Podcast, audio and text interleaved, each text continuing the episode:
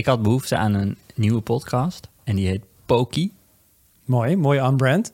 Podcast over kunstmatige intelligentie. En we gaan iedere week over AI praten. Want ik vind dat, dat ik niet genoeg over AI Je zag die blik van mij telkens een beetje glazig worden... als het langer dan 20 minuten over AI ging. En je dacht, hoe kan ik dat oplossen? Ik begin er gewoon een nieuwe podcast bij. Truth be told is dat ik de podcast die Wietse heel lang heeft gemaakt... samen met Reinier Ladan, dat heette de Appels en Peren Show. Dat was een podcast over Apple. En dit is echt, zij zijn echt de OG's van het podcasten in Nederland.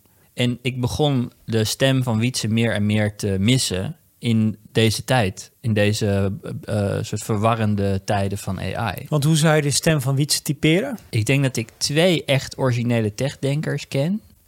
En hij is er één van. van Wie is die ander dan? Salar, Oké. vriend van de show. Als je Alexander kent en je zat niet tussen deze twee Ja. namen... dan val je dus buiten het podium met twee prijzen. Ik denk het wel. Ja. En ik, ik, ehm, ik Er is ook mezelf- geen bronzen medaille. Je had ook kunnen zeggen drie techdenkers. Dan had je nog een bronzen medaille gehad. Het is gewoon twee Dat je het en de rest. Ja, maar dat is, die, dat is die diplomaat in jou. Maar wat we dus gaan doen is iedere week over alleen maar AI praten. En dan het snijvlak met een specifiek onderwerp. Want wat ik nu heel erg vaak mis in de discussie over AI... is dat het nog heel hoog over is allemaal. Het gaat zeg maar over nou ja, het gevaar van AI. En het eerste onderwerp is synthetische vriendschappen. Dat komt allemaal sinds ik die discussie... We hebben het hier over gehad in POM.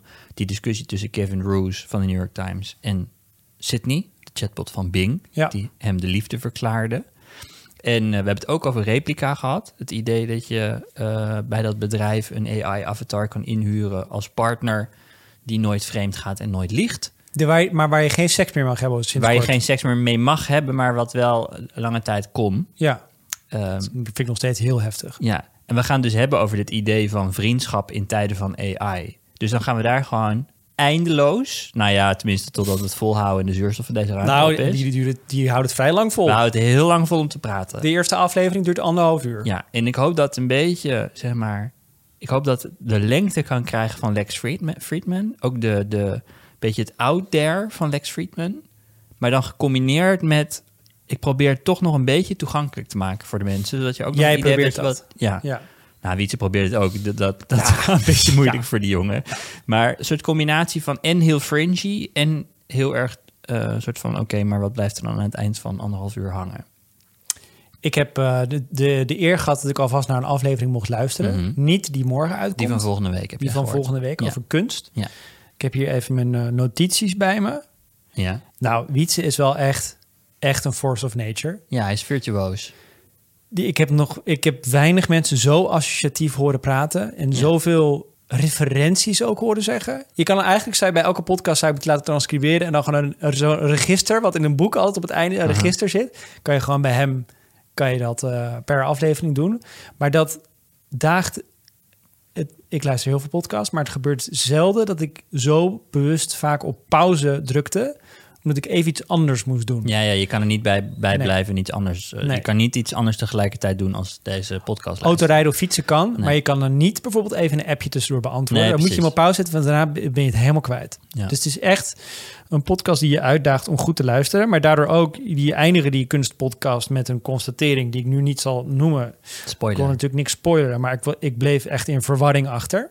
Ehm, mijn Pidoom is daar ook toe, daardoor toegenomen door die aflevering.